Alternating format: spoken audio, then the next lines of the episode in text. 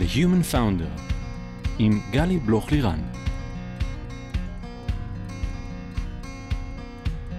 היי, כאן גלי בלוך-לירן, וברוכים הבאים ל-The Human Founder, הפודקאסט שבו מדברים על ההיבטים המנטליים של המסע היזמי.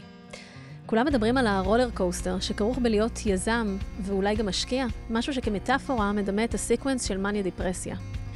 איך חווים low חזק כשאתם מקבלים הצעת השקעה שברגע האחרון נופלת, ואיך מרגישים היי מטורף כשרגע אחר כך מגיעה הצעת רכישה. לא בהכרח מאותו בן אדם. והמקום הזה, חוסר הוודאות הזה, הצורך לשמור על עצמנו כל הזמן ברמת ניהול עצמי גבוהה, אנרגיה גבוהה ועם חוסן מנטלי להתמודד עם הכל, זה ממש לא פשוט. בכל פרק אני אשוחח עם יזמים, משקיעים, יועצים, פסיכולוגים, במטרה לתת מקום ללייר הנוסף הזה שפחות מדברים אותו בקול רם, ההיבט המנטלי שמלווה את הדרך היזמית, וגם אשתף עצות וכלים שיסייעו לכם לייצר פוקוס, בהירות וחוסן מנטלי, כדי להיות יזמים מאוזנים כשטוב להם. היום איתי כאן נועה זילברמן ואור זילברמן, במקרה אותו שם משפחה. איזה כיף אה, שאתם פה איתי, אהלן. היי, מה קורה? היי, כיף להיות פה. כיף, כיף. אה, נועה, את אה, יזמת ומובילת מוצר בתחום הסייבר, ממייסדי הסטארט-אפ אודו סקיוריטי, שנמכר לחברת צ'ק פוינט. כיום את מובילה מספר תוכניות לקידום סטארט-אפים בתחילת דרכם ולהנגשת העולם לקהל הרחב, ועוד מלא דברים שנדבר עליהם. אור, אתה יזם בתחום הסייבר, ממייסדי הסטארט-אפ אודו סקיוריטי, אתה היית המנכ"ל, נועה הייתה ה-Chief Product, שנמכר לחברת צ'ק פוינט. כיום מנהל את תחום ה-SASE בחברה, משקיע angel ומנטור של סטארט-אפים בתחילת דרכם. ואתם זוג בסטארט-אפ, אתם זוג בחיים. יש לכם גם את גלעד שטיינברג, שהיה CTO בעצם שותף לכם שבאודו, אז מאוד חשוב שנציין גם אותו פה, אהלן גלעד. וזהו, ואנחנו הולכים לצלול היום למלא מלא דברים מרתקים ביחד על כל מה שקשור ביחסים, סטארט-אפ, זוגיות, אקזיטים, גיל וביניהם. מה אתם אומרים? יאללה, בוא נצלול. יש? נשמע טוב. נשמע טוב. קחו אותי רגע לאיך בכלל הם מתחילים. מאיפה הרעיון המשוגע הזה? להקים סטארט-אפ עם הבן, בת זוג שלך, או שאז עוד לא הייתם זוג, לא יודעת, תכף תספרו לנו מה קורה פה. מאיפה, מאיפה זה מגיע? ועוד להוסיף שותף שלישי למשוואה. אז ככה, בואו נתחיל רגע לצלול בהכי הארדקור. אנחנו תמיד מדברים על, ה, על ה-dating, על התהליך של בחירת שותפים, על מה עובד יותר, מה עובד פחות, איך מייצרים את ה-fit הנכון.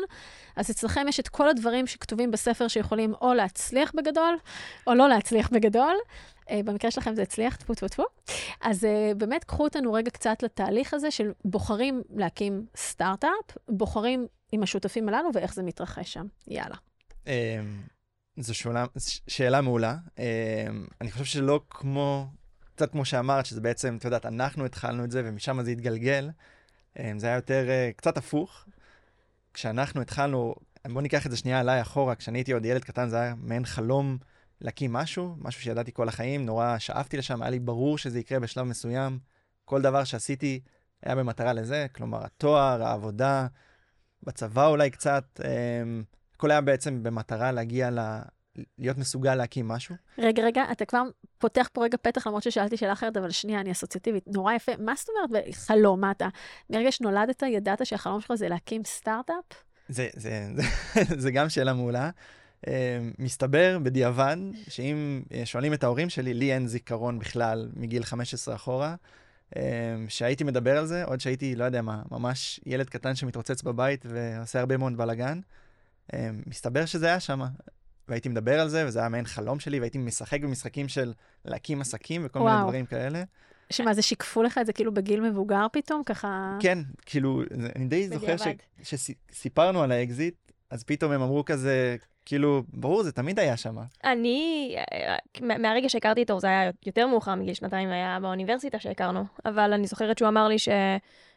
ממש כאילו בהתחלה, שהוא הולך להיות מיליונר. אני זוכרת שחשבתי שהוא כאילו חי בסרט, אבל, אבל אהבתי את הביטחון. לא, לא, לא רע, לא רע לחבר שאת מייעדת לחיים. הוא הולך להיות מיליונר. כאילו, מי ידע שהוא אשכרה יעשה את זה? דרך אגב, יש הבדל גם בין הוא הולך להיות מיליונר לבין אני הולך להקים סטארט-אפ. יכולה להיות הלימה בין הדברים, לא בהכרח קשור, אבל פה אפילו מדבר על משהו יותר חזק, שזה אני הולך להקים סטארט-אפ, אני הולך להיות יזם, שזה משהו שהוא... כן, כן. לוקח מקום אחר. בראי העובדה שהכרנו בתואר במדעי המחשב, זה, כאילו, זה הייתה הלימה, אבל כן, אני מסכימה. אז, אז כבר אז ידעת שאתה רוצה להיות יזם, או לפחות לא ידעת את זה כלפי חוץ, אבל שיקפו לך שכך התנהלת. כן. ו... Um, ואז, with that in mind, מה שנקרא, um, במהלך החיים, כל פעם, כאילו, שאפתי לשם. Um, אז גלעד, שאנחנו מכירים עוד מתקופת ילדות, עוד מהבית ספר. היינו משתעשעים בקונספט הזה לא מעט, בכל מיני שיחות בינינו, דברים שאני גם לא ממש זוכר, אבל, אה, אבל הוא זוכר יותר טוב ממני, יש לו אחלה זיכרון. וככל שעבר הזמן וצברנו ניסיון, כל אחד בעולם שלו, היה לנו ברור שבשלב מסוים זה משהו שנעשה, ואז הגיע היום המיוחל, אחרי, ה, בוא נגיד, הצבירת ניסיון הרלוונטית, לפחות מה שהיה נראה לנו בזמנו, והרגשנו שאנחנו רוצים לעשות את זה עכשיו, uh, and we have what it takes. אז פשוט התחלנו לשבת, uh, זה היה אחרי טיול של חצי שנה שעשינו נועה ואני באוסטרליה, ניו זילנד מומלץ והפיליפינים. מאוד, מאוד מאוד. רגע, רגע, אני מתעכבת על עוד נקודה, כי אמרת אחרי שכבר הרגשנו שיש לנו את what it takes.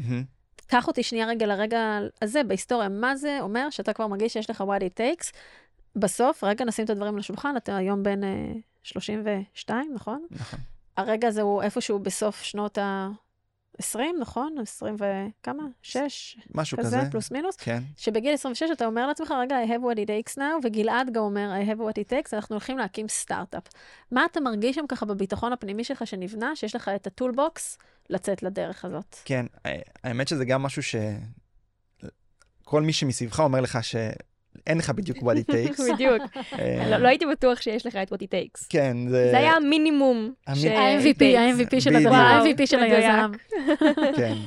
אמ, זה נורא בתחושה, במה שאתה רואה במדיה, לפי אנשים שמגייסים.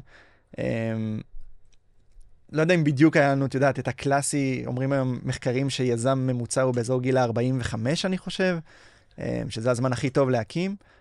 לא היינו בני 45, אבל לגלעד היה הרבה מאוד.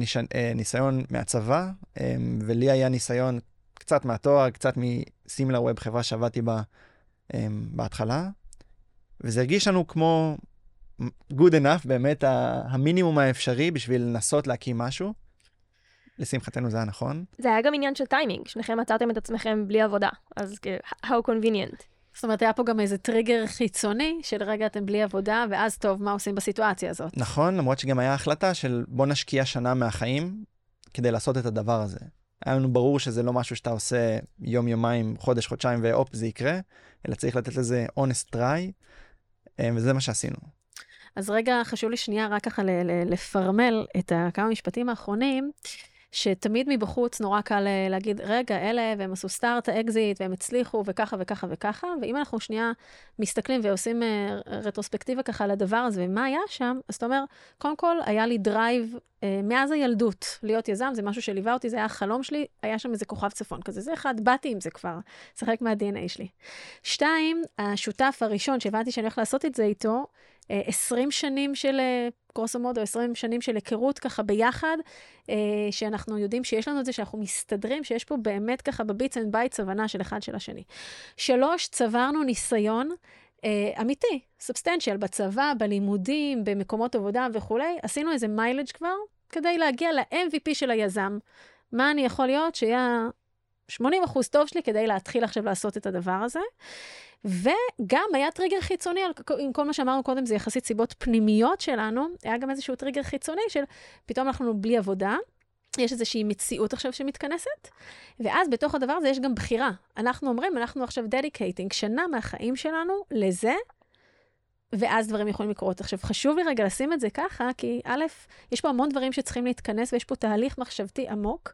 הרבה פעמים אנשים אומרים, בא לנו להיות יזמים, יד ליד, הם לא מבינים רגע את הטרייד-אופים, את המסע של בכלל לקבל, לעשות את הבחירה הזאת ולקבל את ההחלטה הזאת.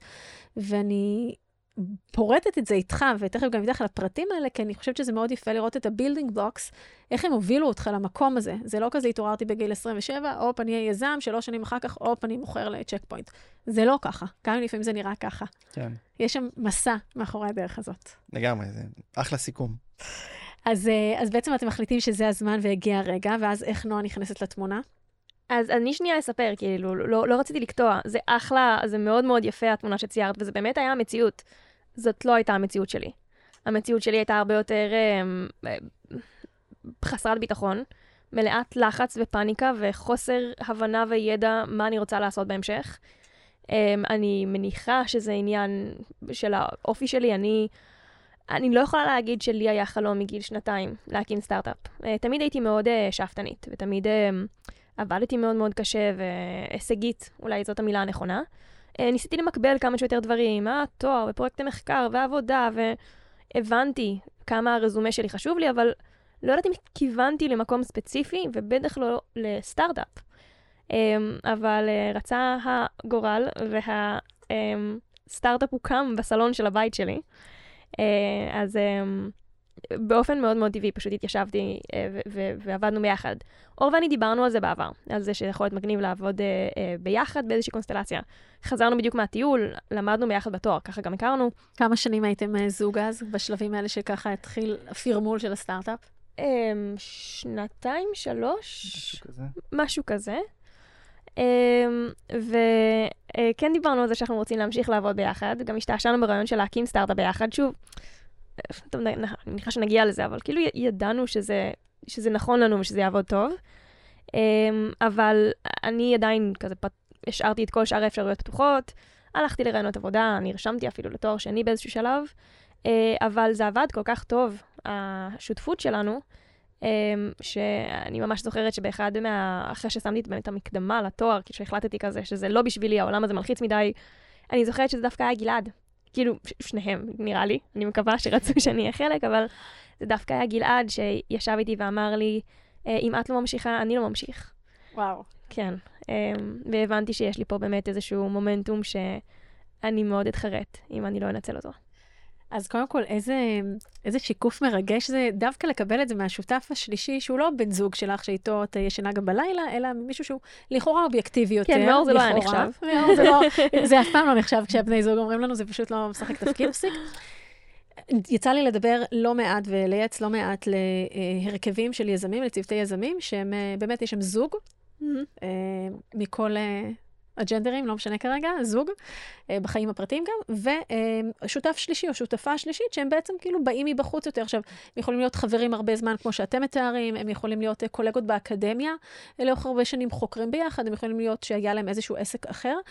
אה, ויש שם מורכבות מאוד מאוד גדולה, אינהרנטית, ואפשר נורא נורא להבין את זה. קחו אותי, אודו הייתה קיימת כמה? שלוש? ארבע? שנתיים הייתה קיימת, שנה גם רצינו לפני זה. כן, כאילו נכון. ככה שנתיים, שלוש כזה. כן, והיה גם שנה שעבדנו אה, בגראז'. בגראז', אז כזה גרוסו מודו שלוש שנים כזה, נכון? מגראז' ועד אקזיט, שזה מאוד מהיר, אבל זו לא הנקודה רגע. איך מנהלים את המערכת יחסים, גם כשהיא טובה, המאוד מורכבת הזאת, שיש בה... אה, יש בה מורכבות אינהרנטית בלנהל בעצם uh, מערכת יחסים כזאת, זה, זה אפילו לא משולשת, כי כמות היחסים פה הם יותר גדולים והליירים שלהם הם יותר גדולים, וזה פעם נכון. כבני זוג, וזה פעם כשותפים עסקיים, וזה שותף עסקי איתך ואיתך, וגם אתם שותפים עסקיים, ו, ובסך הכל גם אתם יחסית צעירים, מכירים אחד את השני מימי התואר, זה כמה שנים, נכנסים בעצם, החיים מתממשיקים ברבדים מאוד מאוד עמוקים ומצליבים בהמון המון סיטואציות, וצריך לדעת לייצר גם את הבלנסס מצד אחד, גם את הניתוקים מצד אחר, גם את הכבוד ההדדי ובכלל ללמוד את כל המערכת היחסים הזאת בין שלושתכם, אני מדברת לא רק בין שניכם. איך מנהלים את התקשורת הכל כך מורכבת הזאת, גם כשהיא טובה, היא עדיין מורכבת לניהול. תשתפו אותנו קצת. אמ, אדון מנהל, לך על זה. כן, לא, זו שאלה מעולה. זה... אה, לחצתי על כפתור וזה עבד לי, לא יודע. זה מצחיק, אבל אני חושב שזה כזה, אני גם, זה משהו שאני נורא מאמין בו בחיים, זה אם יש ספק, אין ספק. אמ, ועם גלעד, לצורך העניין, ידענו שזה משהו שאנחנו רוצים לעשות המון המון זמן. זה לא משהו שקרה מהיום למחר, יאללה, בוא נקים סטארט-אפ, אנחנו חברים, בוא נעשה את זה. היינו מדברים על זה, וזורקים רעיונות, ומשתעשעים ברעיון, ומה זה יהיה, ואיך נעשה את זה, ושנינו חוקרים על העולם. וגם עם נועה, אני חושב שמרגע שהכרנו, אגב, עד היום, בערך 95% מהזמן אנחנו ממש ביחד. אמ, אז היה ברור שיש פה קשר שהוא מאוד חזק, שאנחנו יודעים לעבוד ביחד, מהתואר עד לעבודה. אמ, אז זה היה, היה בזה משהו מאוד טבעי בראייה שלי, כאילו, בחנתי את העניין, האם זה דבר נכון, יש פה עניין של סיכון, האם נסתדר, גם הקונסטלציה הזאת של בעצם, אה, של שנינו שאנחנו זוג, ועוד חבר שהוא חבר ילדות, ואיך הוא יקבל את זה. אמ, אבל היה, למען האמת, גם בין נועה לבין גלעד, מעין איזה חברות וטראסט ברמה כל כך גבוהה, ונועה אפילו אמרה על איך שהוא שכנע אותה וכמה שזה היה משמעותי בעולם שלה, שזה לא קורה סתם ככה. זאת אומרת, היה שם משהו מעבר, ו- וראו את זה, הרגישו את זה, ואני חושב שזה מהדברים שמהר מאוד שקצת מתחילים לעבוד ביחד, אפילו ברמת הכמה ימים, שבוע, מרגישים את זה. מרגישים אם יש הרמוניה, אם יש uh, ביטחון אחד בשני, um, וכשזה במקום טוב, זה פשוט מרגיש ככה. ואני גם בתור בן אדם, זה משהו שאני כל הזמן מחפש אותו. את ההרמוניה הזאת, את, ה- את ההרגשה הזאת שדברים הם כמו שהם צריכים להיות, ולא משהו מאולץ. Um, וכשזה שם, אז אני, אני יודע שהדבר נכון, ולי היה מאוד ביטחון סביב זה. אז אתה, אתה אומר פה שני דברים מקסימים. אמרת הרבה דברים, אבל אם אני ככה אמשוך בחוטים של שני דברים מקסימים, אה, אחד, זה כמה אני שומעת אה, מתוך השפה שלך ומתוך איך שאתה מביא את הדברים, שאפילו לפני הניהול, בתפיסת עולם שלך, באדם שאתה, אז אוקיי, סייבר, מדעי מחשב, מבין את העולמות האלה, אחלה, וקבלת החלטות, אחלה, אבל כמה גם רגש, וכמה גם אתה נותן מקום שנייה לאיך אני מרגיש עם ההחלטה הזאת בבטן, שנייה, מה קורה פה? כמה אתה נותן לדבר הזה גם להיות כוח מניע משמעותי בחיים שלך, וכאיזשהו מצפן כזה לקבלת החלטות לצד הרציונל, שאני חושבת שזה מאוד חשוב, כי אנחנו רוצים לראות שגם בבטן, גם בלב וגם במוח הדברים מתכנסים. זה מדויק. קול, אז יצא לי טוב. והדבר השני שהדגשת גם מאוד יפה, זה שנשמע אה, שהצלחתם לעשות את המעבר הזה של אנחנו לא שני זוגות, כאילו אתם זוג אישי ביחסים ואתם זוג חברים, אלא הצלחתם כאילו לפרק את זה רגע בתוך הסטארט-אפ, ואתם שלושה אינדיבידואלים שמייצרים מערכת יחסים אחת אישית עם השנייה, בלתי תלויה בשלישי. כאילו, לנועה יש את הקשר עם גלעד, ולגלעד יש את הקשר עם, עם אה, אור, ולאור יש את הקשר... גם מעבר לכאילו מערכות יחסים הקודמות, הן היו הבסיס לאיזשהו קשר מאוד מאוד חזק, אבל משם ידעתם לפרום את זה in a good way, ולהתחבר מחדש כאינדיבידואלים, וזה מקום שבו אנחנו הרבה יותר מקבלים אחד את השני, מקשיבים אחד לשני, ופחות נותנים לכל מיני uh, רעשים חיצוניים כאלה, של רגע, אבל זה בעלי, רגע, זאת אשתי, רגע, זה החבר הכי טוב שלי, להיכנס לסיסטם. כן. כי זה דורש המון המון בגרות לגמרי. להיות uh, במקום כזה. כן, זה, אני חושבת שזה אפילו היה לרמת הלא רלוונטי. כאילו, הלוואי שהיה טיפים יותר טובים בשבילנו לתת של אה, איך עושים את זה. אני חושבת שהטיפ הכי טוב שאור נתן זה איך אתה יודע. אבל אני באמת לא חושבת שעבדנו על זה באופן אקטיבי. אה, זה פשוט בא בצורה מאוד מאוד טבעית. אה, אני חושבת שהסיפור חמוד זה שאני זוכרת שבדיונים על, על ההשקעה, בכל המשא ומתן, זה היה נורא נורא קשוח לאור, מן הסתם, כאילו, הוא היה שם בחזית כל הזמן. היה איזה יום אחד שהיה במיוחד קשוח, ואנחנו יושבים כזה בערב הבית, זה היה באמצע הקורונה, אז גם לא היה יותר מדי לאן לצאת. ויש לנו פתאום דפיקה בדלת, וזה גלעד שהגיע עם סיר של קציצות. זה היה נורא חמוד. אה, אבל זה היה הקשר, כאילו אני זוכרת שגם החבר'ה אצלנו בסטארט-אפ תמיד צחקו על זה שזה כאילו שלושתנו נשואים. פשוט שלושתנו היינו, היינו עדיין. אנחנו פשוט חברים מאוד מאוד טובים ומעריכים נורא אחד את השני. אה, אז זה בסיס מאוד מאוד טוב לשותפות. אני חושב גם להוסיף על זה, גלעד לא פה, אבל זה היה מאוד מעניין אם הוא היה פה. הוא פה, הוא מאוד נוכח פה, הוא אפילו שהוא לא פה, אני רואה אותו פה לגמרי ביניכם, אני יכולה לדמיין אותו בפרצוף, את הצחוקים, כאילו הוא פה, הוא נוכח. אני אדבר בשמו קצת מהצד, הקשר שלו ושל נועה, הוא היה ממש טוב עוד לפני כן. זאת אומרת, זה לא שגלעד בחר להצטרף אלינו בתור זוג, הוא בחר בנועה בתור שותפה, בי בתור שותף, ריגרדלס. אמ, ואמרת פה מילה מאוד מאוד יפה, שזה בעצם הנושא של בחירה. באמת, ריגרדלס למערכת יחסים ביניכם, זה שני אינדיבידואלים, כמו שאמרנו קודם, ויש פה בחירה, וכמה זה מחזיר אותי כל הזמן, אה, ואני מדברת על זה הרבה ליזמים שככה רוצים לצאת בכלל לדרך היזמית, ורוצים לבחור את השותף או שותפה או שותפים שנכונים להם. כמה בתהליך הזה צריכה להיות איזושהי התכווננות פנימית עמוקה, ובאמת הקשבה לאחד לשני, זה איך זה עובד לנו ביחד, וכשזה מרגיש טוב, זה מרגיש טוב, ואם זה לא מרגיש טוב, בדיוק כמו שאמרת, אם אין את ההרמוניה הזאת, בוא נתבונן בדבר הזה, למה אנחנו לא מרגישים שם הרמוניה, והרבה פעמים יש איזה משהו כזה, אה, זה מפריע לי בקטנה, זה מפריע לי בקטנה, I can fix him, קצת כמו בזוגיות. ובמקום רגע לחשוב שנייה מאיזשהו מקום כזה קצת, אה, אני אפילו לא אגיד אה, יהיר, אלא ממקום כזה לא מספיק מודע. אני אתקן אותו, אני אתקן אותה, אז לא, בואו לא נהיה במקום הזה שנשנה אחרים. האם אנחנו יכולים לשנות משהו בעצמנו שיעבוד טוב יותר עם מי שנמצא מולנו, או לדעת לשחרר את זה. בדיוק. כי זה לא מדויק, וזה רק מקור לקלאשים שיבואו ויתרבו ככל שהסטארט-אפ גדל. נכון מאוד. בדיוק, בשותפות כמו, כמו זוגיות, כמו כל מערכת יחסים. אז איזה כיף ככה לשמוע עליכם, ובטוח אבל גם שלא תמיד הכל עבר חלק. אז נגיד, ב, כי, כי ככה זה, כי שום דבר לא הכל עובר חלק, בטח לא בסטארט-אפ. אז נגיד ברגעי מחלוקת, באמת עכשיו, בין אם זה תנו לי תכף רגע אולי מחלוקת שאתם חושבים, אבל ב, נגיד על אה, איזשהו שלב פיתוחי של המוצר, או לעבוד עכשיו עם לקוח מסוים, כן או לא, או ללכת לאסטרטגיית השקעה כזאת או אחרת. אנחנו לא תמימי דעים, אנחנו כל בן אדם, יש לנו את הסט אה, כלים, דעות, אמונות שלו, מה שהוא חושב שצריך לעשות נכון.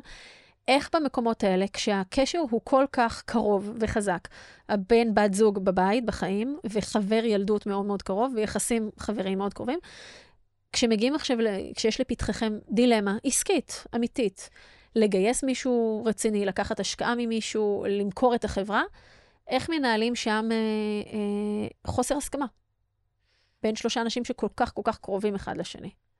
אה, לא, יש, יש חוסרי, חוסרי הסכמה, זו מילה. אה, ו... יש אי הסכמות. אי הסכמות. יש אי הסכמות. ויש יש ויכוחים, ברור, והיו לא מעט. משהו מאוד מאוד נוח בשלושה שותפים זה באמת השובר שוויון. Mm-hmm. במיוחד שכאילו שוב, יצאנו מנקודת הנחה שבאמת אה, שלושתנו, כל אחד מאיתנו העריך את השניים האחרים ממש, לפחות כמו את עצמו. מה שאומר שתמיד יש שם אה, אה, שיווי משקל שנשבר. Mm-hmm. אה, אז לא קרה פעם אחת נגיד שאור ואני לא הסכמנו על משהו, ואז גלעד בא ונגיד הסכים עם אור, שאני לא ישר הבנתי שכנראה שאני... Mm-hmm. אה, לא חושבת על זה נכון, וגם באיזשהו מקום זה מאוד נוח. זה עוזר לך קצת אה, לשחרר ולהבין שיכול להיות שאתה לא חושב על זה נכון. זאת אומרת שבדינמיקה שלכם, אם, אם אני מבינה נכון, זה היה... זאת אומרת, אנחנו מקבלים החלטות בצורה שוויונית, או, או קונצנזוס, או אה, שניים, שניים מול אחד. זאת אומרת, באופן שהוא יחסית שוויוני והרוב קובע, לצורך העניין, לא, לא בהכרח קונצנזוס.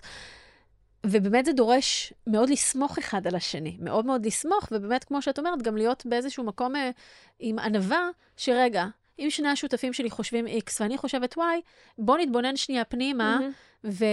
ולמה ה-Y הזה הוא אחר. בוא, בוא נתבונן רגע במה קורה פה, ובאמת להיות עם מקשבה אליהם. אבל גם זה, לפעמים אנחנו גם צריכים uh, לוותר, לפעמים גם, או הדעה שלנו נגיד נורא חשובה לנו באותו רגע והיא לא מתקבלת, אז מה עושים שם רגע במקומות היותר קשים? כי זה לא תמיד קל. אני חושב אולי ש... אולי תנו לנו דוגמה או משהו. זה, אני חושב שהמציאות היא שגם היה הרבה מאוד הערכה מקצועית.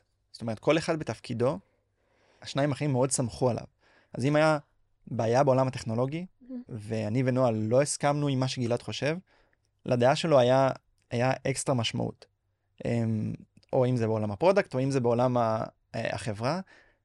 האתגרים האולי יותר גדולים זה באמת ברמת החברה, כי זה לא רק באמת המנכ"ל ומה שהוא חושב, אלא זה ממש ה-drive של כל ה-business.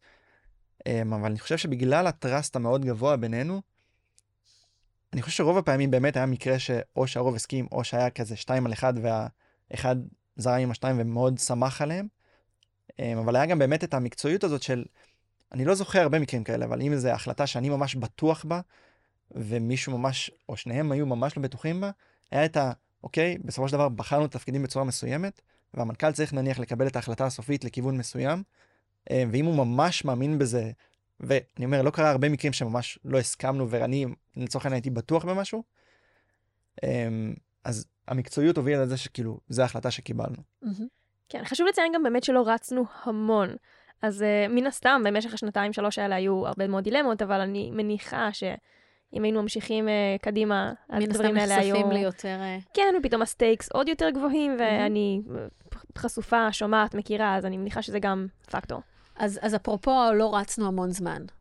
אז אתם רצים על הכביש אה, שנתיים, גרוסו מודו שלוש, עם השנה בגראז'. גייסתם עד בעצם, אז, עד אותו שלב, כמה כסף גייסתם? חמישה מיליון דולר. חמישה מיליון דולר, זאת אומרת, באמת בשלב אה, יחסית צעיר של הסטארט-אפ. היום זה פרי-סיד, סיד, תלוי כבר בסיבובים, עכשיו קצת השוק זה, זה סביב הסיד ראונד. תלוי מתי את שואלת. בדיוק, תלוי באיזה תקופה זה, אבל בגדול. כמה עובדים היו? אמ, פלוס מינוס 20. 20, כן, משהו כזה. אז, אז, אז בעצם אתם בסיטואציה של סטארט-אפ early stage, מאוד, שנתיים על הכביש, חמישה מיליון דולר, 20 שותפים. ופתאום באה הצעת, זה לא בדיוק פתאום ככה, כן? אבל באה הצעת אה, רכישה, מכירה, יום אחד אלינו. יום אחד מתקשרים, כן. אריאלה מה... היי, כאן אריאלה. אוי, אריאלה זה טוב, אני אשתמש בזה. אז זהו, זה לא ככה, ולפעמים זה ככה, פעם, ב, ב, ב, ב, וזה ככה, שזה תכלס לא כל כך קשור אליכם, זה קשור למזל, זה קשור לשוק, זה קשור לטכנולוגיה שפתאום הייתם עליה, זה, זה גם אליכם, אבל זה באמת קשור להמון המון קומפוננטות שצריכות להת, להתכוונן ביחד לאיזושהי נקודה ספציפית בזמן שבה הדברים מסתדרים, והמון מזל, ואני בכוונה מדגישה את הדברים האלה, כי נורא חשוב לי שמי שמקשיב לא יחשוב ש... ככה עושים אקזיט, כי זה לא ככה. ממש ואתם לא. בעצם בשלב ההתפתחותי שלכם יזמים מאוד צעירים. early stage, רצים שנתיים, 20 עובדים, זה אנחנו מכירים אלפים כאלה. אה. ואז פתאום מגיעה איזושהי הזדמנות כזאת, שבהחלט כולם אה, על פניו מחכים לה. אה, אחת מאסטרטגיות ה-exit, שיכולה להיות ברכישה, שיכולה להיות ב... אה, מיזוג שיכול להיות ככה בכל מיני כיוונים, בשלב הזה של, שבסך הכל גייסתם 5 מיליון דולר, ואתם בעצם ניצבים בפני החלטה של מה, מה עושים. is it good enough, isn't it good enough, מה עושים, ואז פתאום כל המערכת אה, חברית, סלש עסקית, סלש שותפים, סלש מקצועית, סלש הכל ביחד מתערבב, וצריך לעשות פה איזושהי בחירה. קחו אותנו טיפה רגע ככה ל, לרגע הזה. אה, אנחנו תמימי דעים, אנחנו לא תמימי דעים, איך אנחנו מתמודדים, כי קל להגיד, אוקיי, בהחלטה קטנה על פיצ'ר כזה, אז הטכנולוג אומר ככה, המוצר אומר ככה, אני המנכ"ל, אני מקשיב, זה. פה יש משהו שהוא ברמת הפאונדרים, ברמת זה, זה מעבר לאורגן, לכובע המקצועי שלנו כ-CEO, CTO וכולי, זה כ-founders, לאן אנחנו רוצים ללכת? מה הגדרנו עם עצמנו? מה כשישבנו אז שנינו, אני ו, אה, אה, וגלעד, שנינו חשבנו להיות יזמים, מה אמרנו שאחרי שנתיים נמכור? מה, נו, זה בכלל לא היה חלום שלה, והנה, מתחילה מה עכשיו, אחרי שנתיים. קחו אותנו רגע קצת לרגע הזה בזמן, מה קורה שם בבטן. אני, האינסטינקט שלי היה להגיד לא. אמ, אני חושבת שיש משהו אמ, כאילו לא טבעי במה שהתעשייה הזאת היא קצת מלמדת אותך ומכניסה לך לראש. Um, אני חושבת שלי היה את הרצון, ושוב, זה אולי נשמע ממש מפגר מבחוץ, אבל מי שבא מתוך התעשייה, אני חושבת שהוא כן יבין את זה. לי היה את הרצון או ל... את יודעת, הנפקה, או למכירה המטורפת במאות גבוהים של מיליונים, ומעין להוכיח לעצמי ולכולם משהו, למרות ש... כאילו, אקזיט, כן? בואו שנייה נשים את זה... Um, ו... אז האינסטינקט שלי, ואני חושבת שגם של גלעד היה כאילו להגיד לא, ואז אור קצת ניער אותנו. אני חושב שזו דוגמה מעולה למקום של קונפליקט שלא בדיוק הסכמנו. אה, למרות שאני חושב שבסופו של דבר הם הבינו את ה... מהר מאוד. את הגישה שלי. התפיסת עולם שלי על זה, זה, יש את הקלישאה שכולם רוצים לבנות וצריכים לבנות billion dollar company, ואני בעד. אבל בראייה שלי, שוב, אם כל פעם לשאול את עצמך מה הדבר הכי נכון, אז אם זה הדבר הכי נכון, זה מה שצריך לעשות. ומה זה אומר לצורך העניין בעולם? יש את הקלישאה שסטארט-אפ אחרי שנה צריך להגיע למיליון דולר ARR, לפי שלוש, פי שלוש, פי שלוש, פי שתיים, פי שתיים, וזה כזה המתמטיקה של ההנפקה. אם אתה שם, מדהים, תעשה את זה, לך על זה, תבנה ביליון דולר קמפני. אם אתה לא שם, שזה 99% מהמקרים, ואני לא חושב שהיינו במקום רע.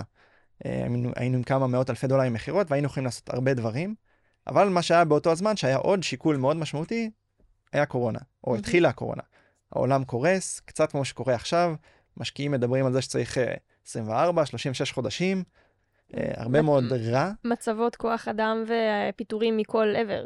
לגמרי, אה, וממש אני זוכר שעשינו תוכניות, תוכנית אחת, איך, איך מגיעים ל-24 חודשים אחרי שכבר רצת, שנה וחצי פלוס מינוס, צריך אולי לפטר, אולי לעשות איזה גיוס פנימי, אולי כן לצאת לגיוס חיצוני, אבל אז הפידבק שאתה מקבל זה שהשוק לא שמה וכדאי לחכות. ועם כל זה היה את ה... אמ, לשמחתנו, למזלנו, לא יודע מה, היה את האופציה אמ, של המכירה. אמ, and with that in mind, בראייה שלי, אחד התפקידים של המנכ"ל זה בעצם לקבל או לתת, לשים על השולחן את, ה, את האופציות הכי טובות לבעלי המניות. ושם היה איזה מעין קונפליקט עם נועה וגלעד, שאני את יכולה לספר יותר טוב ממני, היה נבע, לי הרגיש קצת אה, אולי מאגו, באמת קלישאות של התעשייה, בוא נבנה משהו זה, מה, מה יחשבו, לא יחשבו. ובראייה שלי, גם אה, לאקזיט של עשרות מיליונים, האימפקט שלו, גם עלינו אגב, וגם לפי דעתי על ההחזר של הקרנות, הוא מאוד משמעותי ומאוד רלוונטי, והוא life changing אה, בכל קנה מידה אפשרי. אז היה מעין שכנוע וחוסר הסכמה, שלקח כמה ימים לפי דעתי. כן, אבל זה לא היה, אני לא חושבת שזה היה אמ, רציני. כאילו, האינסטינקט שלנו היה באמת להגיד לא, ושוב, אני חושבת שפה באמת מה שאמרת על הקול המכריע, אני חושבת שאם אתה היית אומר לא, אז, אז היינו עוזבים את זה ולא היינו חושבים על זה בכלל. אבל עצם העובדה שאתה העלית את זה בכלל והצפת את הדיון הזה, אמ, באמת שינה משהו בכל ההסתכלות שלנו על, ה, על, ה, על הסיבה שעושים את זה. וזה בכלל, דיברנו קצת לפני ההקלטות על הפילוסופיית חיים של אור, וזה אני חושבת שזה מאוד מאוד נכון. Uh, לשים שנייה בצד את, השיקולים אמ, הלא חשובים. כמו באמת אמרת, וצדקת. Uh, אגו, תפיסה חיצונית, איך שאתה דמיינת או תיארת או חשבת, um, הוא יותר כמו מה שמאכילים אותך מבחוץ שאתה צריך לרצות, uh, ולחשוב שנייה ולזקק מה יעשה לך, לעובדים שלך ולמשקיעים שלך הכי טוב. אתם, אה, אני ככה מקשיבה בשום קשב לדברים שאתם אומרים, ו, וזה מזקק רק עוד יותר, ו, וחשוב לי ככה להביא את זה לפה, כמה תפקיד המנכ"ל בסטארט-אפ הוא מאוד מאוד מאוד מורכב. כי לצד זה שאנחנו הוויז'נרים, ואנחנו באמת מוכרים את כל מה שאפשר, ומספרים את הסיפור, ויודעים לדבר את ה-why שלנו, ובהמון תשוקה, ולחיות את ה, מה שקורה בעולם הזה, שכל מי שבפנים מכיר אותו טוב, מה אתה בעצם מספר פה? אני אור, אני בסך הכל הייתי אז בן 30 אה, בערך, אה, באותה נקודת זמן, אנחנו מדברים על לפני שנתיים בערך. מנוסה ברמה מסוימת, כי מניסיון של אדם בן 30 פלוס, שכבר עשר שנים ככה בתעשייה הזאת. אני גם זיהיתי הזדמנות בשוק, זאת אומרת, זיהיתי משבר, זיהיתי משבר קורונה, ועם המשבר הזה הגיעו גם כל מיני הזדמנויות. גם הגיעה איזושהי הצעה קונקרטית שאמרתי, רגע, בוא נבחן אותה לעומת, שנייה, האגו, התפיסה החיצונית, כל הקולות האלה שמגיעים מבחוץ, כמו שנועה הזכירה. גם בוא נשאל את עצמי, גם בנקודה הזאת, מה נכון לנו רגע כפאונדרים, כיזמים? מה נכון ליוזרים שלנו? מה נכון לבעלי המניות שלנו, שהם השקיעו את הכסף ובסוף הם אלה שראשונים, אחר כך צריכים לקבל את ה-ROI שלהם? וגם מידה מאוד מאוד גדולה של ענווה, שאתה מביא לתוך תהליך קבלת החלטות כזה של, רגע, אני מסתכל על הדברים עכשיו נכוחה, שנייה, מה, מה קורה במציאות הזאת? ותמיד מדברים על טעות נפוליאון, שהוא לא ידע לפרוש בשיא, שאנחנו לא יודעים ברגע האמת אנחנו לא יודעים. אנחנו יודעים רק בדיעבד לנתח אחורה ולהגיד, רגע, זו הייתה החלטה נכונה. אנחנו לא יודעים ברגע האמת להגיד אם זו החלטה נכונה. זה כמו שיש המון חברות שמנפיקות, זה נראה מדהים, ואז פתאום מגיע משבר, ואז המניות נחתכות ב-75%. יש שם המון המון שאלות, בסדר? אבל אנחנו יודעים לנתח דברים בדיעבד, לא באותה נקודה, עם האימפקט שלהם, אם הוא נשאר לאורך זמן. ואתה בעצם אומר, אני ידעתי להסתכל, על אף ששני השותפים שלי דווקא ב-immediate response שלהם חשבו משהו אחר קצת, אני ידעתי שנייה לשים את כל העיגולים האלה על הדף הלבן, או את כל הקופסאות על השולחן, ורגע לנתח מה קורה פה, ולהביא גם את הקולות ה... חיצוניים ההוגנים של בעלי מניות ששמו עליי כסף המשקיעים. גם לשים רגע את האגו בצד, גם להתבונן רגע פנימה, מה מדויק כרגע, מה נכון, לעשות את כל הנגזרות של בעצם סצנריו א', סצנריו ב', סצנריו ג', מה הולך לקרות עכשיו בשנתיים הקרובות, לא מתוך ידיעה, מתוך הערכת מצב מסוימת. ובעצם להגיד בנקודת זמן הזו, אפילו שזה לא אקזיט אולי של מיליוני או מיליארדי או מאות מיליוני זה, אנחנו, זה מצוין. ואנחנו לא חייבים להזין את עצמנו, אנחנו מוזנים בהמון דברים חיצוניים, אנחנו לא חייבים לאמץ אותם לתוכנו בהכרח את כל מה שקורה מבחוץ. ואני חושבת שזאת אחת המשימות הכי הכי קשות של מנכ"ל יזם ובכלל של צוות founders, לדעת לייצר את המסננת הזו. בין כל הסטרס, בין כל הקולות המאוד מאוד חזקים, המאוד מאוד דוחפים, דוחפים, דוחפים, דוחפים, דוחפים, שזה בסדר, הם עושים את משימתם, זה מה שהם צריכים לעשות. אבל כדי לייצר את החוסן המנטלי שלנו, וכדי שיהיה לנו את האנדיורנס להמשיך עם זה, ואולי נמשיך אחר כך לסטארט-אפ הבא, ולדאוג גם לעובדים שלנו, ולדאוג להכל, אנחנו חייבים לרקוד שם, עם הקולות האלה, איזשהו ריקוד של מתי שנייה לעשות איזה פושבק קטן, מתי להסתכל פנימה, מתי להקשיב להם ולהעלות את הקצב, וצריך לנהל פה איזושהי שיחה פנימית מאוד מאוד משמעותית. ונשמע אה, שב... זאת אומרת, זה מאוד כיף לי לשמוע את זה, שבשלב באמת יחסית לא, אתה יודע, אתה לא בן 45 היזם שאמרנו שעשה עכשיו, לא יודעת מה, 30 שנה דברים והמון המון המון ניסיון. האינטואיציות שלך בבטן ובסנכרון עם המוח וכולי, היו מאוד מאוד מדויקות להגיד, that's good enough.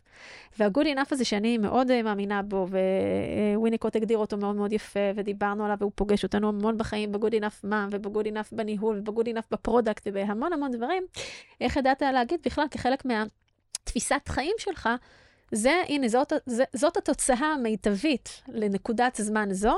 בואו נשאל עכשיו את עצמי איך אני רוצה לנהל את האנרגיה שלי בהמשך. כנראה הדבר הנכון עבורנו ועבור המשקיעים זה למכור את החברה, ולהמשיך לנהל אותה אחר כך בכיוונים אחרים. וזה דורש המון המון בגרות ויכולת התבוננות פנימה, אה, הדבר הזה. אז סחטיין על זה. אני יושבת פה ומתפוצצת בגאווה. נורא כיף לשמוע אותך כל פעם מסכמת את הזה, אני כזה, hmm, זה דרך ממש טובה להגיד את זה. אבל זה נכון, זה נכון, זה ממש מדויק. ומתפוצצת מגאווה, א', את חלק מזה לחלוטין, וגם את זה חשוב לי להגיד, שאם רגע נתתי פוקוס על המנכ"ל, וכן, יש צוותים, יש, או לא צוותים, יש יזמים שהם יזמים יחידים, שהם מייסדים יחידים, שהם גם המנכ"לים, ואנחנו אה, גם על זה מדברים הרבה. בדיוק איריס המקסימה פרסמה איזה פוסט מאוד מאוד מפורט על מה המשמעות של להיות בעצם אה, יזמת מייסדת אה, יחידה, ו, ויש עוד כאלה, ולכל דבר יש לו את היתרונות ואת החסרונות שלו ואת ה-trade-off ים שלו, ואנחנו צריכים לבחור ב-trade-off ים האלה, ביחד עם הבחירה שלנו ללכת בדרך כזו או אחרת, אבל על אחת כמה שזה צוות, ברור שזה לא רק על כתפיו של אור, לגמרי. בטח במערכת יחסים כזו, אבל בסוף, יש מנכ"ל לחברה, ואת זה הרבה פעמים צוותים קצת מתבלבלים, כשהדברים מתחילים לצאת קצת, אה, ללכת down, down roads, אז זה בגלל שלפעמים גם ה-founder ים הנוספים שוכחים שנייה שיש מנכ"ל, או לא סומכים מספיק. או לא סומכים מספיק, נכון מאוד, על המנכ"ל, ובסוף זו אחריות שלו.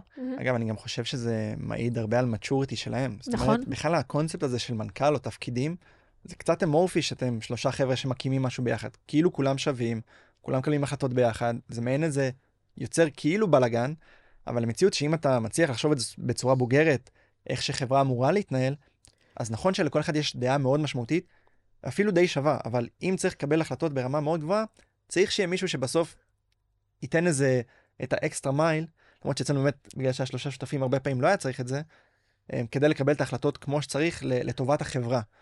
אה, וזה בגרות עצומה מהצד שלכם. אה, בשיא הרצינות, שכנעת אותנו. כאילו, זה היה נשמע לנו מאוד הגיוני ברגע שדיברת איתם. נתת זה. כן. הסברים טובים, אז הם השתכנעו, אבל סתם, וזה בעיה בחיוך, ואני רוצה לזקק שני דברים ממה שאמרת, שזה כל כך נכון, ואני רואה צוותים על גבי צוותים, שהמקום הזה פוגש אותם, א', באגו, ובדיוק כמו שנועה אמרה, שלא סומכים מספיק. אה, על האדם השלישי או על האישה, לא משנה מי שם כרגע, אה, בפונקציה של המנכ"ל, כדי לתת לו את הליש לקבל את ההחלטות האלה. וב' גם שוכחים שבתפקיד הזה של המנכ"ל, ולא משנה כרגע מה המערכת יחסים ביניכם גם מאחורי הקלעים, יש המון המון אחריות. כי על ההחלטות שהוא יקבל, אם הן טובות, נהדר, הוא יקבל עליהן את הקרדיט, אבל אם הן גרועות, הוא גם יצטרך לשאת באחריות על ההחלטות האלה, גם אל מול המשקיעים, גם אל מול הפאונדרים, גם אל מול העובדים בעצם, אל כל הסטייק עובדים, הולדרים. לקוחות, ברור. כולם. עכשיו, זו אחריות מאוד גדולה, שאנחנו לפעמים לא יכולים אפילו לתפוס אותה, כי בטוחה שאור, תגיד לי אם אתה מסכים או לא מסכים, אבל יש מיליון דברים שאתה צריך לקבל עליהם החלטות, ואין לך מושג. אין לך מושג מה להחליט שם. זה הכל ניסוי וטעייה. בדיוק, כמו שאמרנו בהתחלה, איך ידעתי שאני כבר בשל להיות יזם, הייתי ב-MVP שלי של לצאת להיות יזם. אנחנו לא באמת יודעים, וזה מה שאני כל הזמן מדגישה, כמה זה משמעותי ב-mindset של יזמים, יזמים שהם טובים.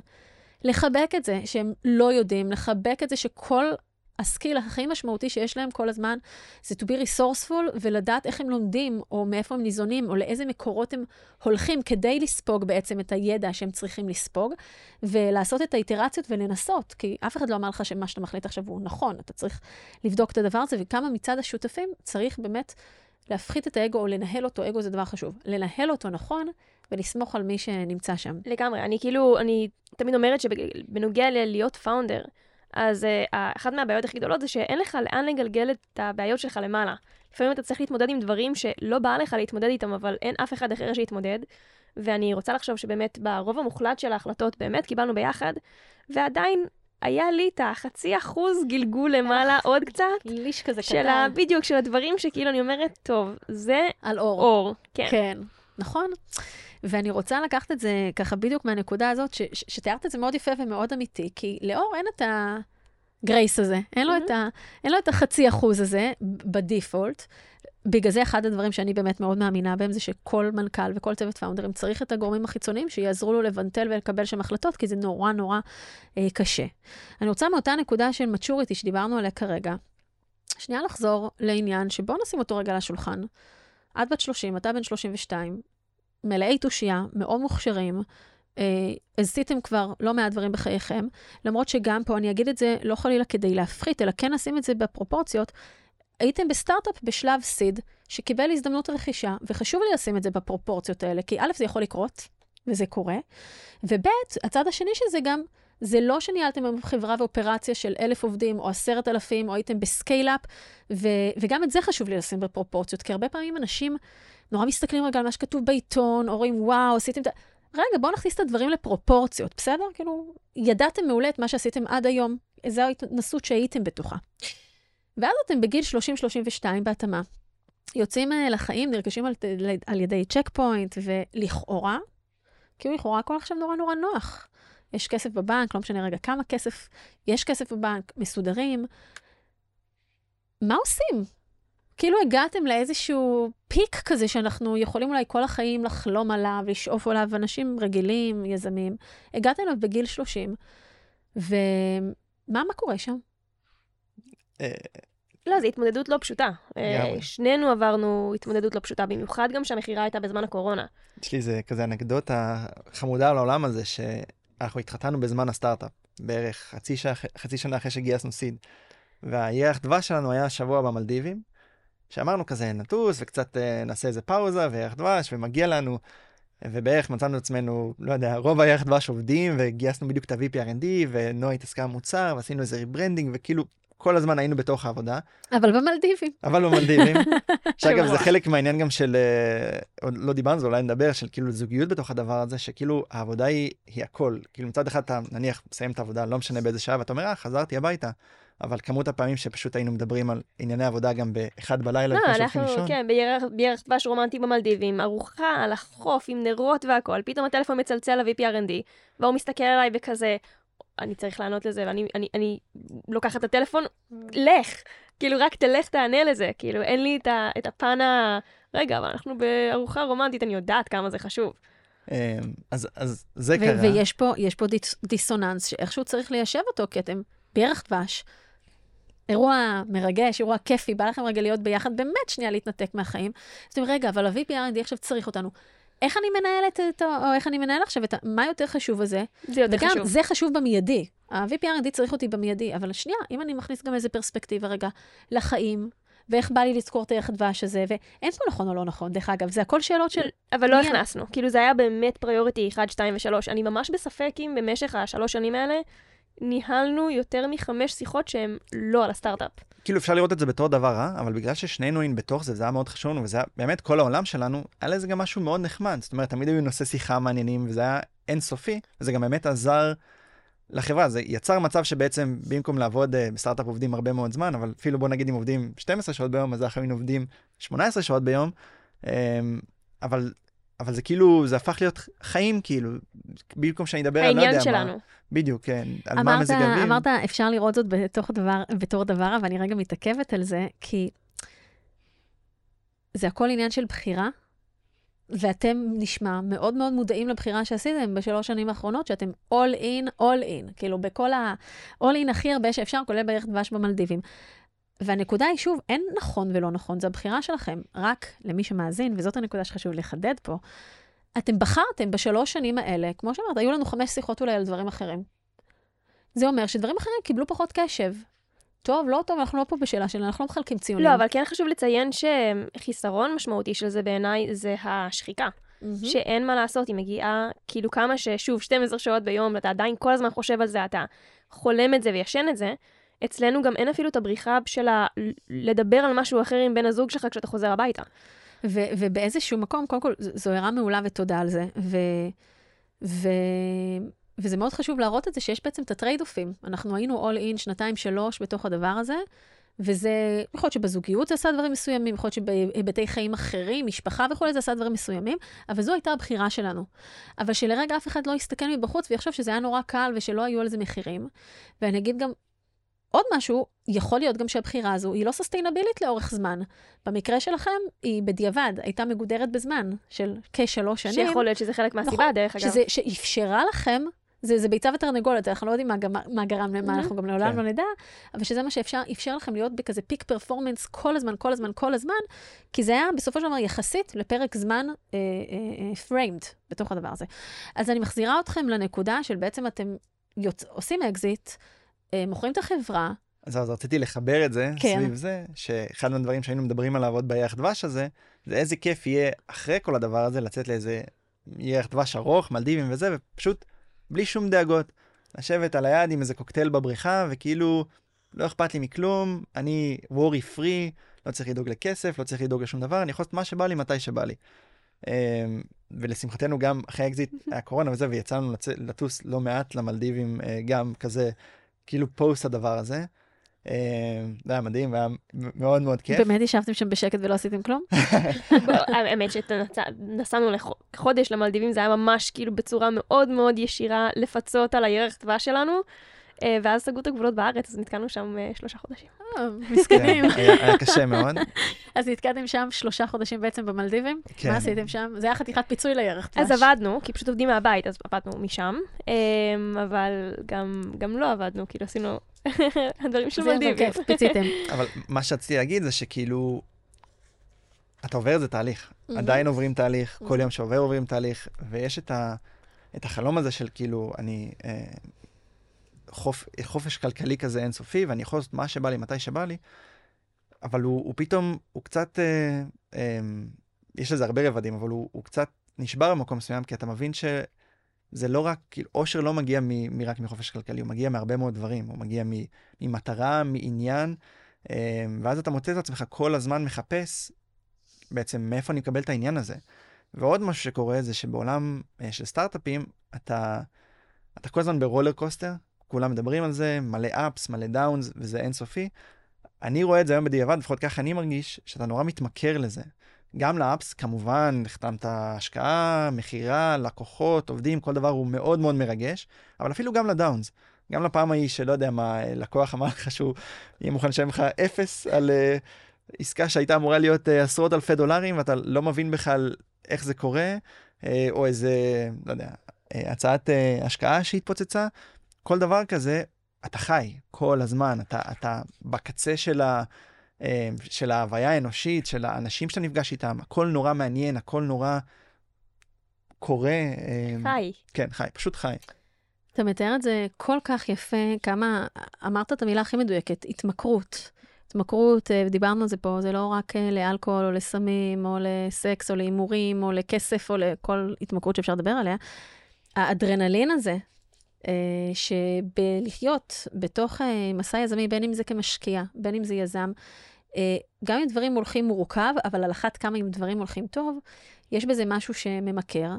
לאקי ליו כרגע, כי זאת אומרת, אתם ביחד, אז יש משהו כזה שמאוד מבנטל את ה... לא התכוונתי כרגע ביחד, התכוונתי, תכף אני אגיד למה התכוונתי.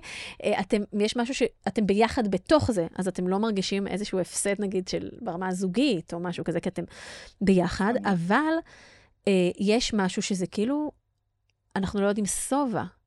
זה איזשהו צורך הזה כזה שלא נגמר כל הזמן, זה בסמים מזריקים סמים, ופה רגע, אז יש עוד הזדמנות, ויש פתאום עוד משהו שקורה, ויש עכשיו עוד טכנולוגיה שאפשר להמציא, ויש עוד איזה שיתוף פעולה. וכבר הגעתי בפירמידה לפה, רגע, ועכשיו אני מרגיש עם, עם האנשים האלה והאלה והאלה, וזה איזשהו, גם אחרי שעושים אקזיט, גם אחרי שיש כסף בבנק, גם אחרי שכמו שתיארת, יש חופש כלכלי, זה לא בהכרח משקיט את שאלת העושר, את שאלת המשמעות, את שאלת האימפקט, ואת השאלה הנורא פשוטה של יש לי עכשיו 24 שעות ביממה, כיצד אני מנהל אותם, וגם כשיש ילדים וגם כשיש ספרים, אי אפשר רק את זה כל היום לעשות, כי ה-mind שלנו exploring uh, והולך לעוד מקומות, והתחושת הגשמה שלנו שם. אז א', חשוב לי להניח את זה, ונורא תודה שאתה משתף בזה ואומר את זה, כי אני חושבת שזה נורא נורא חשוב. גם את הקול הזה, להביא קול בקוף של, גם להצלחה יש מחירים. זאת אומרת, מה קורה שם אחרי שמצליחים? מה קורה? זה לא שכאילו זהו, עכשיו יש איזו תוכנית סדורה להמשך החיים והכל סבבה ו... לא. אגב, ועכשיו לא... צריך לייצר את התוכנית, יש משאבים אחלה. דאגה אחת פחות. לגמרי. אבל עכשיו צריך לסדר את התוכנית הזאת. זה גם, אה, נניח בשבילי, אבל אני חושב שזה כל בן אדם בעולם, המסלול חיים הוא כאילו נורא ברור. אתה הולך לבית ספר, הולך לצבא, הולך לאוניברסיטה, מתחיל עבודה, מתקדם בעבודה, לא יודע, ראש צוות, ראש מחלקה, בשכר, בכל הדברים האלה, והכל כאילו נורא ברור לך מה אתה צריך לעשות בשביל להצליח. והחיים גם בנויים בשביל זה. נכון. הכל... In a way, כאילו הכל structured בכיוון זה הזה. איך ההורים יסתכלו עליך, המורים, הקולגות, כולם כאילו... ברור מה זה הצלחה. הצלחה זה לקבל 100 במבחן, הצלחה זה, ל, לא יודע, להיות מצטיין בצבא, הצלחה זה להיות מצטיין בתואר, הצלחה זה להיות ראש צוות ולהתקדם, הכל מאוד מאוד ברור. ופתאום שאתה, כאילו, עשית איזה, את האקזיט וזה משהו שהוא כאילו מנתק אותך מכל הדבר הזה, זאת אומרת, אתה יכול לעשות מה שבא לך, כביכול. זה נורא, זה נורא כאילו קשה במרכאות של, אוקיי, מה עכשיו? היה את המסגרת, היא הייתה נורא ברורה, ידעתי מה אני צריך לעשות בשביל להצליח. כיוונתי לשם, עבדתי קשה, עשיתי כל מה שאני יכול בשביל להצליח, ועכשיו אני בצד. רגע, אני עושה עוד פעם אותו דבר בשביל להצליח קצת יותר, זה ייתן לי סיפוק. אני כאילו, מאיפה אני מקבל את ה... את ה ו, וכאילו צריך את זה, את הסיפוק הזה של ההצלחה, של ההתקדמות. וזה פשוט כאילו, לא יודע, זה משהו ש... לא, לא, לגמרי. אתה גם באיזשהו מקום מרגיש מחויב אמ, לנצל את הסיטואציה. ככה אני לפחות מרגישה. כאילו, בהתחלה היה לי קשה כש... שלא כל הזמן שמחתי. ואיך זה יכול להיות שבסיטואציה שהגענו אליה, פתאום משהו מעציב אותי או משהו מרגיז אותי, אבל אני לא יכולה להרשות לעצמי להתרגז, כי ת, ת, תראה איפה אנחנו, אסור לנו. צריך אמ, להיות גרייטפול כל הזמן. בדיוק, כאילו אתה מרגיש מחויב לסיטואציה. לנצל כל הזמן. כן. וזה לא החיים בסופו של דבר, החיים הם כאילו מה שקורה בבין לבין, וב... ב- ביום-יום, כאילו, לא יודע, חותכים אותך בכביש, אתה מתעצבן, ו- וחסר לך עניין, אז אתה מחפש אותו, וזה לא משנה בכלל. כאילו, לא, ברור שכסף זה, זה life changing, וזה מאוד עוזר, וזה מאוד מקנה נוחות, ו- ואנחנו מאוד מאוד מאוד מאוד מעריכים את זה, אבל, אבל זה לא מספיק בשביל כזה עושר אמיתי, הגשמה עצמית. הגשמה עצמית, כן. פשוט ישבתי פה רגע, ככה הסתכלתי לכם, מתארים את הדברים, ו- וכזה התמוגגתי מ...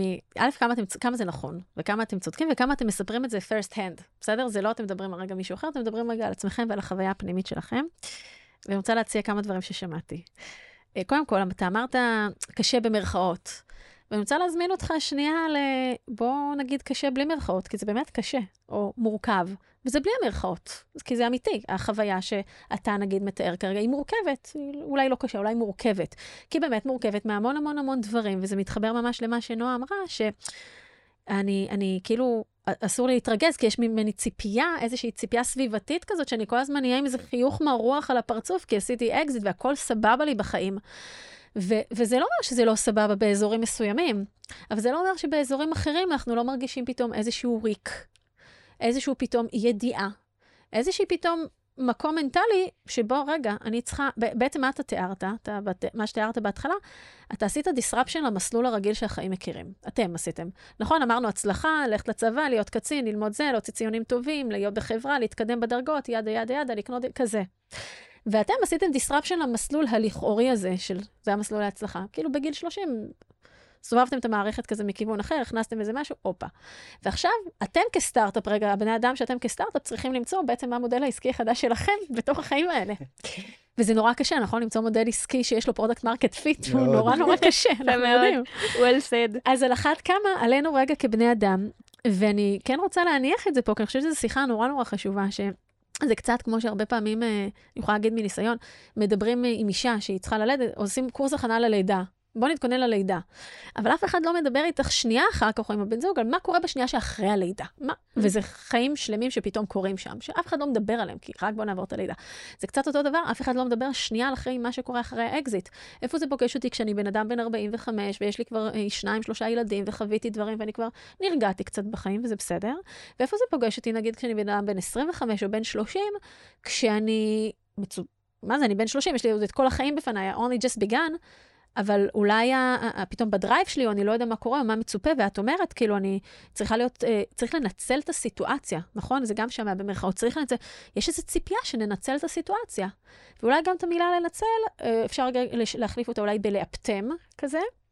וגם, מי אמר שאנחנו חייבים להקשיב לציפייה הזאת? אבל זה מלא מלא קולות פנימיים שאנחנו צריכים להתמודד איתם. מי אמר שאני חייבת עכשיו to keep up to the expectations של הסביבה? אבל יש איזו ציפייה כזאת.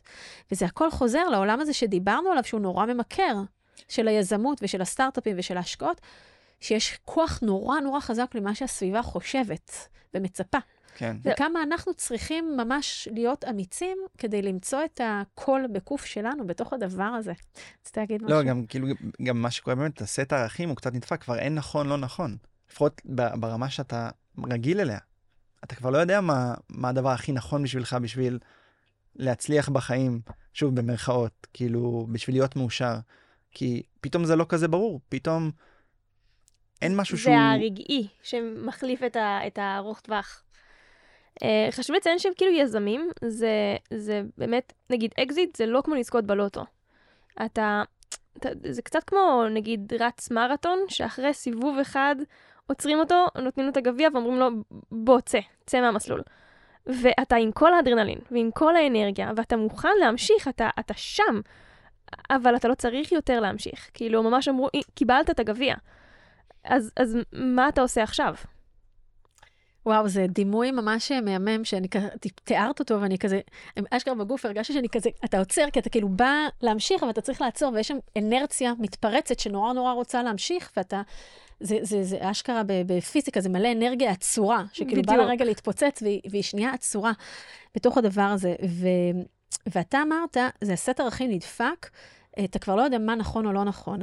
ואני חושבת שאחד הדברים שקצת לומדים, נראה לי, עם החיים, זה שזה בכלל לא במונחים רגע של נכון או לא נכון. מה מדויק לי? מה נכון עבורי כרגע בנקודת זמן הזאת? מה עושה לי טוב? Uh, אני לא חושבת שהסט ערכים נדפק בכלל. ההתבוננות שלנו על הדברים נהיית קצת יותר uh, רחבה, מורכבת, הוליסטית באופן הסתכלות שלנו על דברים, כי ערכים זה, זה משהו הרבה יותר עמוק, זה מי שאתה, כן. לא חושבת שאתה השתנית נכון. בעקבות הדבר הזה. וגם יכולת, מפתחים, אני חושבת, אני אציע את המחשבה הזאת, איזושהי יכולת יותר יותר חזקה ועמוקה להקשיב לעצמנו ומה טוב עבורנו כאן ועכשיו. לא רק מה שרגע מצופה מבחוץ. אמ, והנקודה הזאת, אבל שאתם מתארים באמת על כמו מרתון, שככה נתנו לי אחרי הסיבוב הראשון, אחרי ארבעה קילומטר, קחו את הגביע, תעצרו, אתה נשאר שם עם מלא תשוקה, עם מלא אנרגיה, עם מלא רעיונות, ועכשיו אתה צריך לתעל אותם לכיוון אחר. וכמו שאתם מדגישים, זה שיש חופש כלכלי כרגע ונוחות פיננסית, זה לא, זה לא משנה את כל המסת אנרגיה הזאת שצריכה רגע להתפרץ. ואנחנו ככה מרחיבים על זה פה, כי זה משהו שנורא חשוב לי שנביא אותו החוצה. ש... עכשיו, דרך אגב, זה לא דבר רע, אבל זה לא אומר שהכל פשוט שם, ברור. אחרי האקזיט. זה, זה, זה מאוד לגיטימי, מאוד, מאוד הולם, מאוד תואם מה שאתם מתארים כרגע. וחשוב לדבר את זה. אז איך למעשה אתם עכשיו מתמודדים? אתם שנתיים בעצם אחרי האקזיט, אתם עכשיו בעצם בתקופה בתוך צ'ק פוינט. איך אתם מתמודדים עם כל הקולות האלה כאינדיבידואלים, כזוג? קודם כל, אני חשבתי, לי בהתחלה הקונספט הזה של retention, שזה בעצם להישאר בחברה שרכשה אותך, אני חשבתי עליו תמיד בתור משהו שהוא כביכול די שלילי בשביל היזם. אתה באמת אה, מחויב לאיזושהי חברה גדולה יותר במשך כמה שנים. אה, לא חשבתי על, ה, על ה, בעצם transition שזה עוזר לך לעבור. כאילו דיברנו על המרתון, אז אולי זה לא ממש מוציא אותך מהמסלול, אלא מזיז אותך למסלול הליכה, אה, בוא נגיד את זה ככה. שאתה אתה כן עדיין עובד, אתה כן עדיין עושה, פשוט לאט לאט האנרגיות שלך אולי כן, אה, כן יורדות בצורה שהיא יותר אה, אה, אה, מתונה. אה, אבל עדיין יש לך את הפן הזה של ה... להמציא מחדש. אז אני, אה, אני מתעסקת הרבה בלנסות להבין איך אני יכולה לנצל את הקונספט הזה של היזמות, הדברים שאני למדתי בעולם הזה, לזהות פער בשוק, למצוא לו אה, אה, פתרון, לעשות execution, למצוא שותפים, למצוא מימון, אה, בכל מיני דברים שונים שבעצם הם לא המודל הקלאסי של הסטארט-אפ. אז בין אם זה סדרת הסרטונים ששחררנו, שבעצם מסבירה הלאה בכל התהליך שעברתי בעצם בשביל ליצור אותה, בין אם זה עכשיו בתוך צ'ק פוינט, שזה באמת יוזמה פנים-ארגונית שהרמתי כדי להקים אה, חטיבת אה, סטארט-אפים בתוך צ'ק פוינט, שבעצם מחזירה בחזרה לתעשיית הסייבר הישראלית. אה, אבל זה ממש צריך לעבוד בלחשוב כל הזמן על מה עוד אפשר לעשות. ואתה? אמ, אז גם, אני מסכים עם כל התהליך שאתה עובר. אני חושב שיש משהו, אגב, גם סוג של מאוד מרגש, שאתה מצטרף לחברה גדולה ויש לך איזה ריץ' אינסופי כזה. אמ, אבל זה גם כזה, פתאום דברים קצת מתפוצצים, כי פתאום יש לך פוליטיקה וכל החלטה היא מאוד מאוד קשה וקשה להניע תהליכים. אמ, אז יש לזה כמובן את ה-pros and cons, וזה פשוט מאוד שונה מעולם היזמות שהכל רץ מהר, ואתה מקבל החלטות והכל כזה חרב על הצוואר. אמ, אז, אז שוב, יש יתרונות וחסרונות, פתאום דברים יותר לאט והרבה מאוד פוליטיקה. Um, אני חושב שאני גם חוויתי מעין איזה תהליך כזה של בהתחלה הרבה מאוד עבודה, כי כשסטארט-אפ קטן מצטרף לחברה כזאת גדולה, כל האינטגרציה. כל האינטגרציה, אתה בעצם הבן אדם היחיד שיודע בעצם, לא יודע, איך למכור את החברה, לבנות את זה, איך הפרודקט, ה-R&D, הכל זה רק עליך, עליך. ופתאום, לא יודע, 7,000 אנשים רוצים אותך שאתה תעזור להם.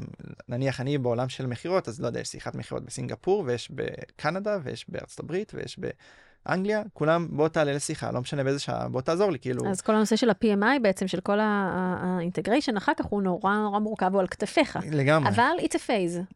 נכון, It's a phase. נכון, אז היה באמת שנה מאוד מאוד demanding, ובונים צוות, או בניתי צוות, וכאילו זה גדל, ולאט לאט אנשים יודעים ומבינים יותר.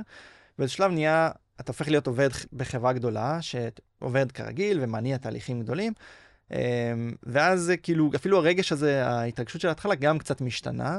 אמ, בשבילי, אז, אז נועה באמת מניעה הרבה מאוד תהליכים פנימיים, חיצוניים, הרבה מאוד עם סטארט-אפים, וכזה to give back to the community. אני לקחתי את זה קצת למקום יותר, אה, אמ, אולי נקרא לזה, זה כאילו קצת scale שונה של זה.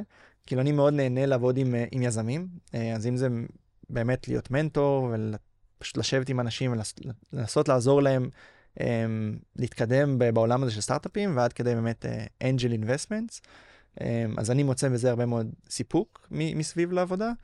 Um, אז זה כזה כאילו המשלים של נועה בעולם הזה. בדיוק, שזה גם נחמד, מצאנו גם דרך ליצור איזה מעין, אה, בלי לשים לב בכלל, איזה mini business, בגלל שאני מגיעה הרבה יותר ל-early, early, early stage, ופונים אליי לא מעט יזמים, ואז מתוכם, מה שאני חושבת שיעניין את אור, אני בעצם מעבירה הלאה, והוא בעצם עושה השקעות ומעביר... screening כבר, ואתם מייצרים את זה משלכם. אני חושבת שמה שמשותף גם לשני הדברים שתיארתם עכשיו, את יותר ככה עם העשייה שתיארת, ואתה עם העשייה שתיארת, המכניזם המשותף לשני הדברים זה שקודם כל יש פה מלא יצירה. יצירה בידיים. ודבר שני, זה איזושהי עבודה פנימית של to fine tune to ourselves, מה נכון עכשיו? מה אנחנו רוצים להתבונן כל הזמן פנימה? ואולי זה איזשהו, באמת, איזה ככה, עוד איזה שורה, עוד איזה מרקר כזה שאני אוהבת לשים, שעשינו אקזיט, יש כסף בבנק, יופי. זה לא עושה לנו check mark על כל הנושא של הגשמה, צופה פני עתיד. זה אחלה, וזה מדהים על העבר, אבל התחושה הזאת היא לא תחושה שנמשכת לכל החיים, וזה שריר שאנחנו כל הזמן חייבים uh, לתחזק אותו. זה עוד איזה דלק שאנחנו חייבים להכניס לגוף, וזה יפה לראות איך אתם גם בשלב, כרגע, עכשיו, בתוך צ'ק פוינט, מוצאים את המקום הזה ליצירה ולעבודה הפנימית, ומבינים שאי אפשר בלי זה, זה לא משנה הכסף.